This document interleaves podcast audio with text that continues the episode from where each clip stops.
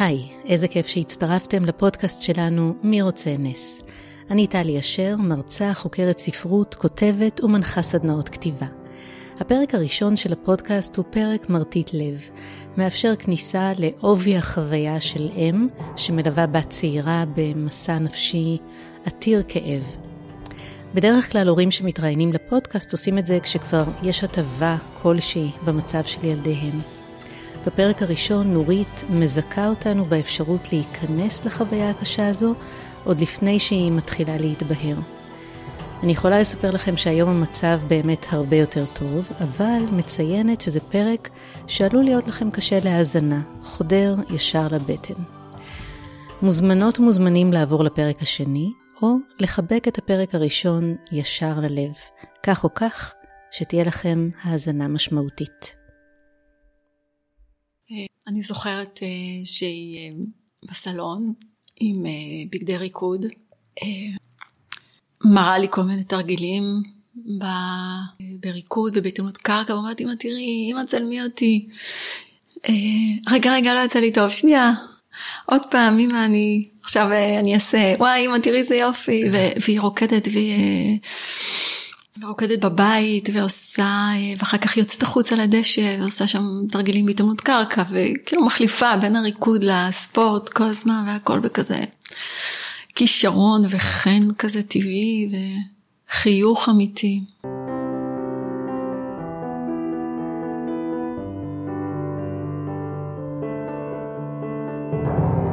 שלום, אני טלי אשר ואתם על מי רוצה נס. פודקאסט שנועד להכיר לכם מקרוב את החיים לצד התמודדות נפשית.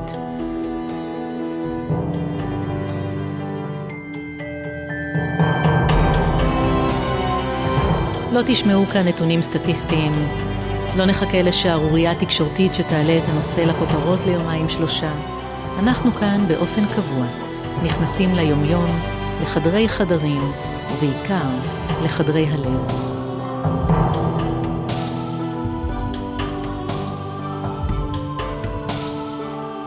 היום איתנו נורית, בת 50, נראית בת 30, אם לארבעה ילדים שעוסקת ברפואה הוליסטית. אישה שכל כולה עדינות, נחישות ורגש, ואצנית בגוף ובנפש. היי נורית, ספרי לנו מה הקשר שלך לעולם בריאות הנפש.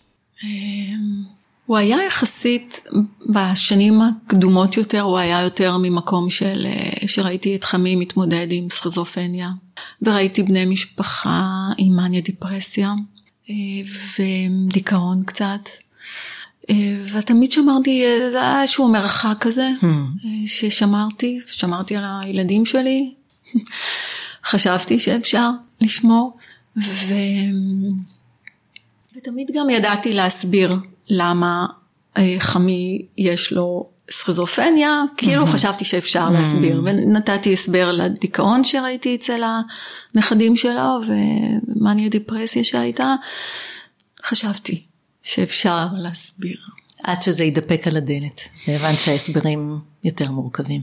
כן, וגם כשזה ידפק על הדלת, לא ראיתי, ש... מה זה, לא, לא יכולתי לראות, לא, לא הייתי מסוגלת להבין עד הסוף מה אני רואה. אמ, אני לא אשכח שאמרו לי מהבית ספר לבוא. אנחנו מדברים על בתך. אה, כן, אמרו לי בואי אה, לבית ספר, הבת שלי הייתה אז בכיתה ו' ואמרו לי שיש פגישה עם היועצת. ו... ואז הם אמרו לי שראו אותה חותכת את עצמה. לא הבנתי. מה, מה, מה המשמעות של המשפט הזה? למה שמישהו יעשה דבר כזה ולא הבנתי מה זה אומר. ואז אמ, נכנסתי למין, אה, להסתכל על הדברים במבט לאחור, ופתאום להבין שהיא קצת יותר נסגרת בחדר, יותר בוכה מכל מיני דברים קטנים, שאתה אומר אה, שזה פינוק. ושהיא הייתה מתלוננת על דברים שהמורה עשתה, ובוכה נורא נורא, אז אתה אומר, לא חישלתי את הילדה שלי מספיק. שהיא נותנת לדבר כזה לשבור אותה. התחלנו להסתכל בטלפון ולחפש סימנים, למה היא חותכת את עצמה. מי זה התחלנו? אני וה... ובעלי. וזהו, ומאותה פגישה עם העובד סוציאלית נכנסנו לסחרחרה של פסיכיאטרים. ואני אמרתי, מה פתאום? פסיכיאטר ומה פתאום תרופות. אני באה מהטיפול ההוליסטי. כן, אני אדבר עם הילדה ו... ואנחנו נפתור את זה. ניקח אותה לפסיכולוג וזה יהיה בסדר. כן. אתה לא מבין את העומק ואת השחור, ואתה חושב שהפלסטר יעזור. כן. אבל זה לא פלסטר, זה אפילו לא תחבושת, זה מפלצת ענקית שנמצאת שם, שהבת שלי צריכה להתמודד איתה. כן. הבת הקטנה שלי, הרביעית, המהממת, יפהפייה, מוכשרת ברמות. יש בתוכה איזושהי... היא צריכה להתמודד עם איזושהי מפלצת ענקית שגורמת לה לסבל איום ונורא. והיא קמה עם זה והולכת לישון עם זה, ואנחנו לא מודעים Hmm. לגודל של הכאב שלה, של הילדה. אמ, הבת שלי המשיכה לחתוך את עצמה, למרות הטיפולים, ודווקא יותר. כן, זה יתגבר. כן, ככל ש... כל פעם שהייתה נפגשת עם פסיכולוגית, היא הייתה חוזרת לחדר וחותכת כן. עצמה. אמרו לנו לקחת את הסכינים מהבית, שלא היו מספריים, והאחים שלה פותחים את המגירה וצועקים ברחבי הבית. איפה הסכינים? כן, איפה הסכינים בבית הזה? למה אני לא מוצאת את המספריים שלי? כן. האחים היו מודעים לכל ההתמודדות. כמה שלנו היה קשה להבין, ככה גם היה לנו קשה לה, להגיד את זה. וכמה שהיה לנו קשה להגיד את זה, להם היה קשה להבין עד הסוף מה זה הדבר הזה. ו... והם כעסו עליה. כל אחד בדרכו שלו כעס עליה מאוד. וכעס עלינו שאנחנו פינקנו אותה. Mhm. ילדה בת זקונים, אה, פינקנו אותה, לא הצבנו לה גבולות. האשימו אתכם קצת. האשימו הרבה, Mhm. כן. לא אמרתם לה לא, נתתם לה כל מה שהיא ביקשה. דברים שאולי קצת נכונים, אבל Hmm. זה לא... לא מסבירים את עומק המשבר. כן, את גודל המפלצת הזאת. כן. את גודל הסבל שהיא סובלת, והיא הייתה מתקלחת שעות, והם היו דופקים בדלת וצועקים עליה, ואני הייתי עובדת עצות. אה, באיזשהו שלב הכריחו אותנו לאשפז אותה. הייתה ילדה בת 12 וחצי, אשפזנו אותה במחלקה לבריאות הנפש. ו- את אומרת הכריחו. כי אף הורה לא ירגיש שזה המקום לילד שלו. לא משנה מה הוא עושה לעצמו, מה הוא עושה לסובבים אותו, זה לא מקום לילד. היא בכתה נורא, נסגרה הדלת אה, בשערי בית החולים בנס ציונה, שם היא הייתה מאושפזת, והיא צורחת ובוכה, אל תלכו, אל תשאירו אותי כאן. ויש שם ילדים הרבה יותר גדולים ממנה, כן. היא בת 12 וחצי, כמו שעון, בגיל 12 הם כבר נוער. כן. והם עם ילדים בני 18 עם סכיזופרניה ו- ו- ובנים שהם תוקפנים מאוד, והיא ילדה בת 12 וחצי שחותכת את עצמה כי היא נורא סובלת. ידענו שזה לא המקום שלה, אבל אמרו לנו שזה כל כך הפחיד אותה, שהיא תפסיק לחתוך את עצמה. כן. אז היא הייתה שם אה, שלושה ימים, אני לא יודעת מי היה מבוהל יותר, היא או אנחנו, אבל יצאנו משם. וכל הזמן הזה היא לא הצליחה לבלוע תרופות, כי אימא שלה גידלה אותה על טהרת ה... רפואה אלטרנטיבית. כן, הגוף יכול להתמודד עם דברים, ובואי תשתיתה, והדלקת גרון תעבור. אה, והיא לעולם לא הייתה צריכה גם. אה, תמיד טיפלתי בה בחיבוק, באהבה, במגבת אה, עם קרה על המצח כדי להוריד את החום, וחיבוק גדול, והכל הסתדר.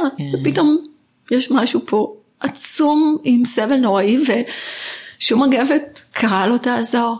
אז אה, היא השתחררה בלי שהיא מקבלת טיפול תרופתי, כי היא לא מצליחה לבלוע תרופות, לא סירופים ולא תרופות, לא כדורים. וטיפול פסיכולוגי מאוד אה, אינטנסיבי בכל מיני דרכים, מאוד יקר, כל דרך הכל שהלכנו בה, פרטי. הכל פרטי, במחלקה לבריאות הנפש אה, של העירייה, שזה דרך קופת חולים, אין תורים, בקושי תורים לפסיכיאטר נתנו לנו, כי הגדירו אותה זאת אומרת, יש כאובדנית. מצוקה עמוקה, הצורך מיידי, חייבים מענה עכשיו, והדרך היחידה היא ללכת למערכת הפרטית. את אומרת שהכל מאוד יקר, את מוזמנת לסבר את האוזן אם את אה, רוצה. אנחנו מדברים על טיפולים של פסיכולוגים שאי אפשר פעם בשבוע לילדה שחותכת עצמה על בסיס יומיומי. זה לפחות פעמיים בשבוע, זה יוצא אלפי שקלים בחודש. כן. ולהגיע, למ... המליצו לנו ללכת למכון אה, אופק. כן. ושם אתה צריך להגיע למפגש אחד עם הילדה ועוד ילדים מתמודדים נוספים, מפגש נוסף רק ההורים, ומפגש נוסף של פסיכולוגית, וכל זה, כל מפגש כזה זה מאות שקלים. אתה בחודש אה, מוציא למעלה מ-10 אלף שקל של כן. טיפולים, אבל אתה לא רואה את זה, אתה תמכור כן, כליה כן. כדי שהכל יחזור להיות כמו פעם. שת... להחזיר את הילדה שלך. כן, שהיא לא תסבול עד כדי כך שהיא צריכה לחתוך את עצמה כדי להרגיש שהיא יכולה לך, להמשיך את היום, כן. את היום שלה. אמ, ניסיתי לדבר איתה ולהגיד לה דברים שהיום אני מבינה עד כמה הם נוראים להגיד, hmm. נוראים. למשל. מה חסר לך? יש לנו הכל בבית, יש לך כן. הורים שאוהבים אותך, כן. יש לך אחים שמאוד אוהבים אותך, רואים אותך, נותנים לך הכל, מוכנים לעשות הכל. כן, מה רע לך? כן, כן, כן. אני... היום את מבינה שזה כאילו שפה אחרת. ויותר מזה, אני חושבת שהכאבתי לה. יותר. זה העמיק את התהום. כן, ואת התחושה שהיא פגומה. באמת, מה הבעיה שלי? כן. למה אני עושה דבר כזה להורים שלי? כן. בזמן הזה הספקנו, אני ובעלי להתגרש. לא עמדנו בזה, אני חושבת. אני חושבת שזאת לא הייתה הסיבה. אני יודעת בוודאות שזו לא הייתה הסיבה, אבל... זה הוסיף uh, מעמסה. כן. זה היה אבל הדבר הנכון. Mm-hmm. הרגשתי שיש לי יותר כוח עכשיו. Mm-hmm. עכשיו יש לי מטרה אחת, כן. להציל את הילדה. Mm-hmm. ובשביל זה נשמתי בבוקר. כן. אבל היא לא הייתה איתי. כן. כאילו, לא היה לי את מי להציל. היא הייתה בעולם אחר. אני מחזירה אותנו רגע, היא הייתה שלושה ימים במחלקה הסגורה וחזרה הביתה? כן, ואז התחלנו את הטיפולים הפרטיים. טיפולים פרטניים מאוד מאוד יקרים שלא הועילו, לצערי, בכלום. הם היו, היוו עבורה טריגר, לשבת עם ילדים נוספים שסובלים כמוה ולראות את החתכים שלהם. זה היה טריגר, היא הייתה חוזרת הביתה, ננעלת בחדר, והייתה, היה לה, תמיד היה סכין שהייתה מחביאה, אני... כן, לא משנה כמה אתם הסתרתם, כן. היא מצאה את הדרך, איזשהו אמצעי לחתוך באמצעותו, ובעצם זה גם עלה ככה ממה שאמרת קודם, הטיפולים לא רק שלא עזרו, יכול להיות שכל המערכת הזאת תרמה להחמרת המצב. בזמן הזה היא לא הולכת לבית הספר. היא מנסה, mm-hmm. מנסה לקום בבוקר. Mm-hmm. זה כוחות uh, מטורפים שהיא לא עומדת בהם. היא הייתה, התחילה כיתה ז' עם סייעת, ו... אבל זה היה לה מאוד קשה, כי גם בבית ספר היו טריגרים mm-hmm. לכאב ולסבל שלה. וכל הכוח הזה גבה מחיר. כן, לא נשאר לה. חזרה הביתה ולא נשאר לה כוחות. כן. היא הייתה צריכה לחזור ולפגוע בעצמה. כן. ואז אמרו לנו שצריך לאשפז אותה אשפוז יום. אז היא הגיעה לאשפוז יום, ועם עוד נערים ונערות סובלים כמוה, בעיקר נערות היו שם. והיא למדה שאפשר גם uh, להקיא.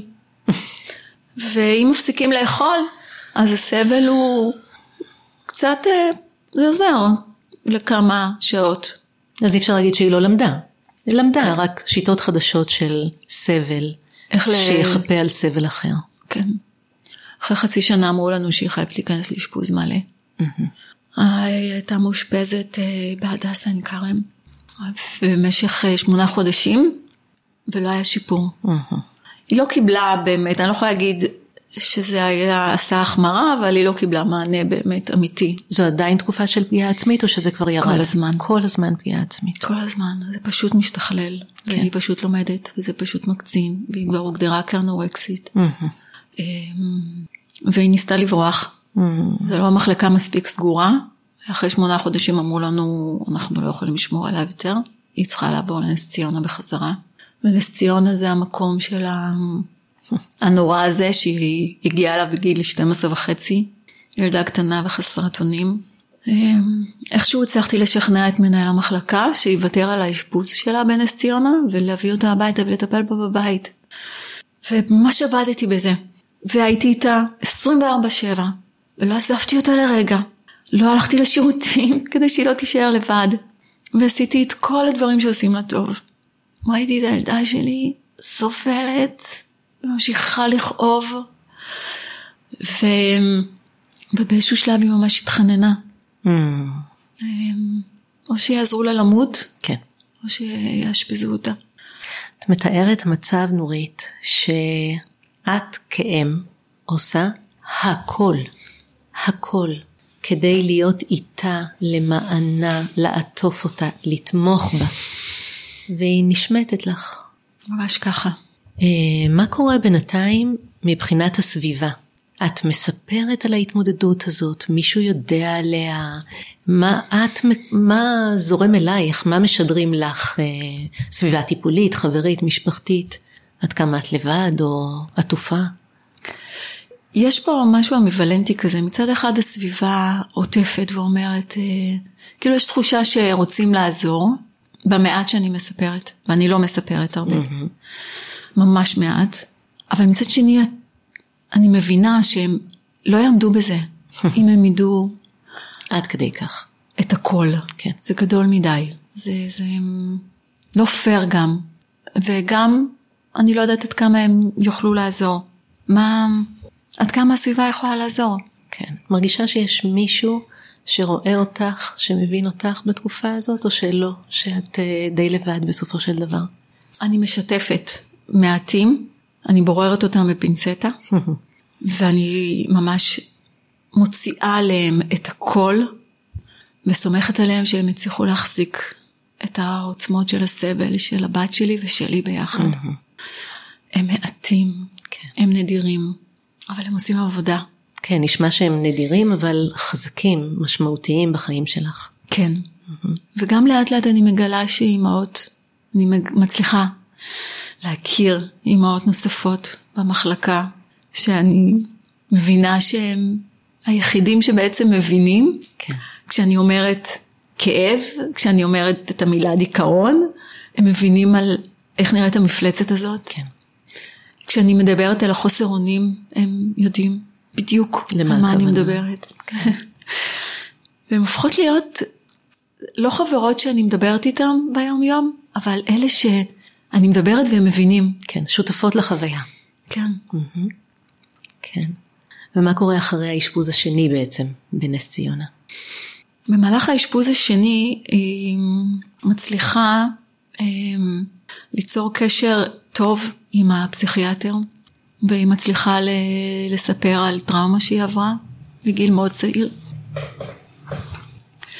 דבר שניסו כל הזמן להגיד לנו, שנמצא ברקע, אמ, זה קצת אמ, מסביר, אבל אתה מבין שזה מורכב יותר. אתה מבין שעל הטראומה הזאת יושב אופי, אה, תכונות מולדות, סיבות חיים, עוד מלא דברים שאתה לא יכול אפילו להתחיל להבין עד הסוף. ואז אתה רק מבין, את- זה עזר לי להבין את גודל הסבל. כן. אמא הייתה צריכה לקום בבוקר, ו... ו... ועד כמה זה מורכב וכמה דרך ארוכה מחכה לנו. מכאן והלאה. כן. אמ, כשאת שומעת, את מבינה שזה שילוב, שזה גם טראומה וגם איזה מערך נפשי מסוים ומכלול, זה מקל עלייך? זה עוזר לך להבין? או שזה, את מבינה את המשקולת לטווח ארוך? זה שתי הדברים ביחד, זה עושה סדר קצת, אבל הכאב שאני, הכאב של הורה שמבין שהוא לא הצליח עד הסוף להיות שם בשביל הילד שלו, כן. זה כאב שלא האמנתי ש... שאני ארגיש. זה כאב יותר חזק מכאב של מוות, זה כמו כאב של... שכאילו הלב שלך, מישהו לוקח לך אותו ומועך אותו ולא משחרר. כן. כי זה כבר קרה ואתה כבר לא יכול לשנות שום דבר ואתה לא היית שם בשביל הילד שלך וכל מיני רגשות אשם זה רגש איום ונורא הוא לא מועיל בכלום ואתה יודע את זה ואתה לא מצליח להיפטר ממנו. כן. את מרגישה, נורית, שהסביבה מבינה את זה? את, ה, את הדבר הזה שאת אומרת, זה, זה, זה לא מוות, אבל יש בזה היבטים שהם הם כן דומים לתחושה הזו. אף אחד לא יכול להבין. לא נראה לי. אה, הסביבה הייתה הסביבה המצומצמת שבחרתי לשתף תמכה ברמות שאני חושבת שזה היה הבלון חמצן שלי. לא חושבת שהייתי מצליחה אם לא. אבל את הכאב, אני חושבת אי אפשר להעביר במילים, ואני לא מאחלת אותו לאף אחד. ושוב, זה המקום שמצאתי את האימהות, כן. ובנות ש... שרואות את הילדה שלהם עוברת ממצב של אושר וילדות שמחה, ופתאום, איפה היא? נעלמת. לגמרי. כן, כן. אז בעצם את אומרת שהיה משהו יותר מחובר בטיפול באשפוז השני בנס ציונה, היא כן מתחברת לדמות הטיפולית. כן, ואני גם חושבת שיכול להיות שהיא הצליחה, כי צריך המון, היא הייתה צריכה המון כוחות כדי כן. להצליח לספר ולשתף. ואז מתחילה איזושהי התקדמות. היא עדיין כאובה והיא עדיין רוצה למות בנחישות, אבל um, יש עוד צד, שפתאום um, יש איזשהו הסבר קצת, וגם um, כבר מבינים שאשפוז זה לא הפתרון. הוא היה הדבר הכי לא נכון עבורה, כן. ואני חושבת שעבור כמעט כל נערה שהייתה שם, חברות שלה בחדר, כן. הנערות שהיו שם, ו... זאת לא התשובה. לא, זה לא התשובה, וזה החולי, זה כאילו לתת את המחלה לחולה, כך, קבל, לפרצוף. עוד קצת מהחיידק הזה. יש שם טריגרים איומים, יש שם חוויות קשות שהן חוות, אני רק, כמות השעות שהיא נקשרה שם, הבת שלי, במחלקה. שקשרו אותה. נקשרה, זאת אותה. אומרת, הכניסו אותה לחדר וקשרו אותה. כן, במקום לשבת ולדבר איתה, כן, כי זה הרבה יותר פשוט, וזה גם מצריך הרבה פחות כוח אדם. כן. וזה שעות, ו- ואז אני מבינה מה, כמה נורא זה. אם חשבתי שזה נורא, זה עוד יותר. אז עכשיו אני מבינה עד כמה זה איום ונורא, וזה הדבר האחרון שמותר לעשות לכל אחד. נערה שחווה מצוקה. כן, לכל אחד, פשוט... אמ, אבל אז אה, התחיל אה, מסע של להתאים למסגרת. מסגרת שבה היא תוכל לחזור לאיזשהי סוג של נורמליזציה. שהיא כן תקום בבוקר לבית ספר ולא לאחות שמגיעה עם המגע של התרופות. כן. ולקום בבוקר לבית ספר ולחזור למקום ששומרים עליה. לא הייתי צריכה שיגידו לי שזה צו של בית משפט. ידעתי שהבית זה עדיין לא המקום בשבילה כדי לשרוד. שזה גם משהו שקשה לעכל אותו. שהבית, המקום הטבעי, החיק המוגן, שערוך בשבילה ומוכן לעשות בשבילה הכל, הוא לא המקום הכי טוב בשבילה בנקודה זו בחיים. כן. כן. ואז בעצם היא עוברת לפנימייה פוסט אשפוזית, או שעדיין לא? כן, היא עוברת, אבל כמובן צריך לחכות שיהיה מקום. כן. ושכבר ויתרו לנו על ועדת קבלה, כי היא הייתה בכמה ועדות קבלה, ועצם הרצון שלה למות אה, פסל אותה על הסף בכל הפנימיות הפוסט אשפוזיות שהיא הייתה מועמדת אליהן. שם הם לא פחדו. הם אמרו זה בסדר, אנחנו מבינים שאת רוצה למות, אנחנו נשמור עלייך, אנחנו לא נוותר. זה לא היה תנאי שהיא לא תהיה אובדנית כדי לא. להתקבל לפנימייה.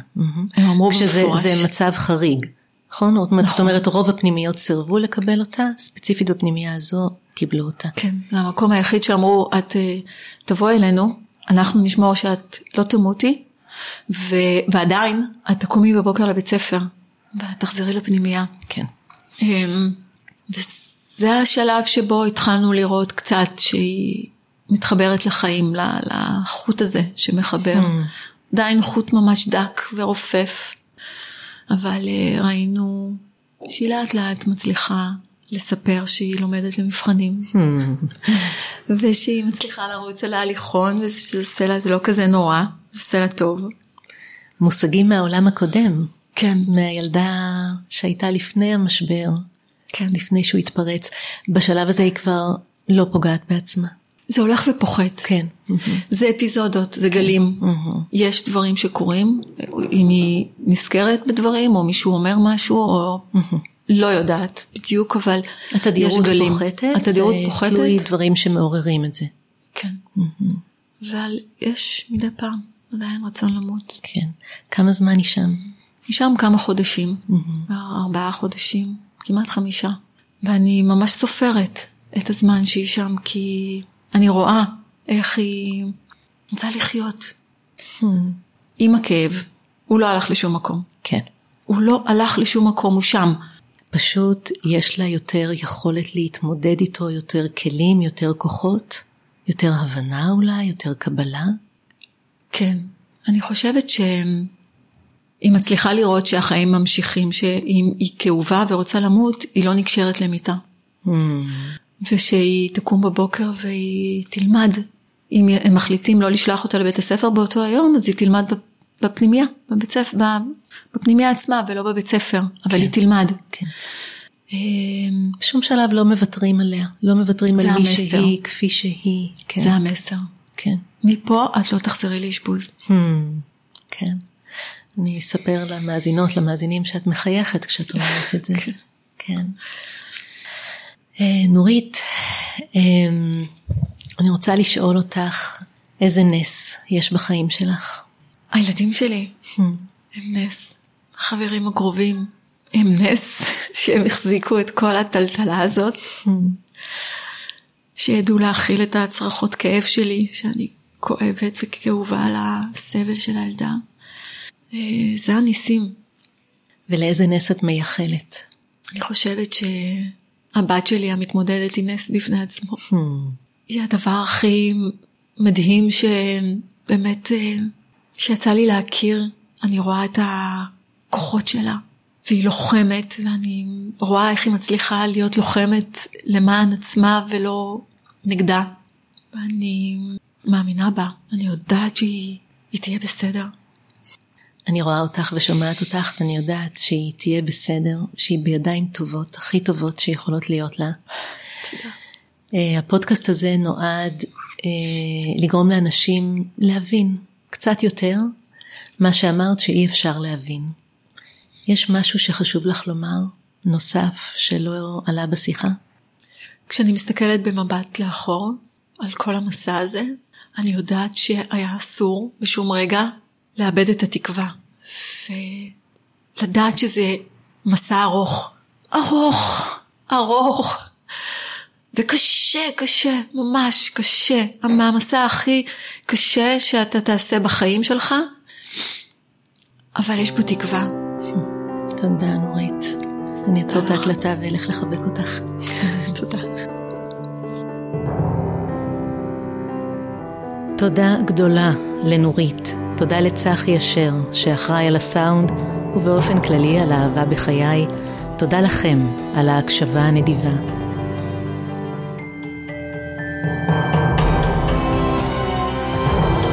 מי רוצה נס נמצא בכל אפליקציות הפודקאסטים, Spotify, iTunes, Google Podcast או כל אפליקציה אחרת. אפשר למצוא את כל הפרקים גם באתר שלי, taliasher.com, ולעקוב אחריי בפייסבוק. כדי להתארח בפודקאסט, להגיב או להמליץ על מישהו אחר, שילחו לי הודעה באתר. ועד הפעם הבאה, שיהיה לכם ולכן כמה שיותר נס.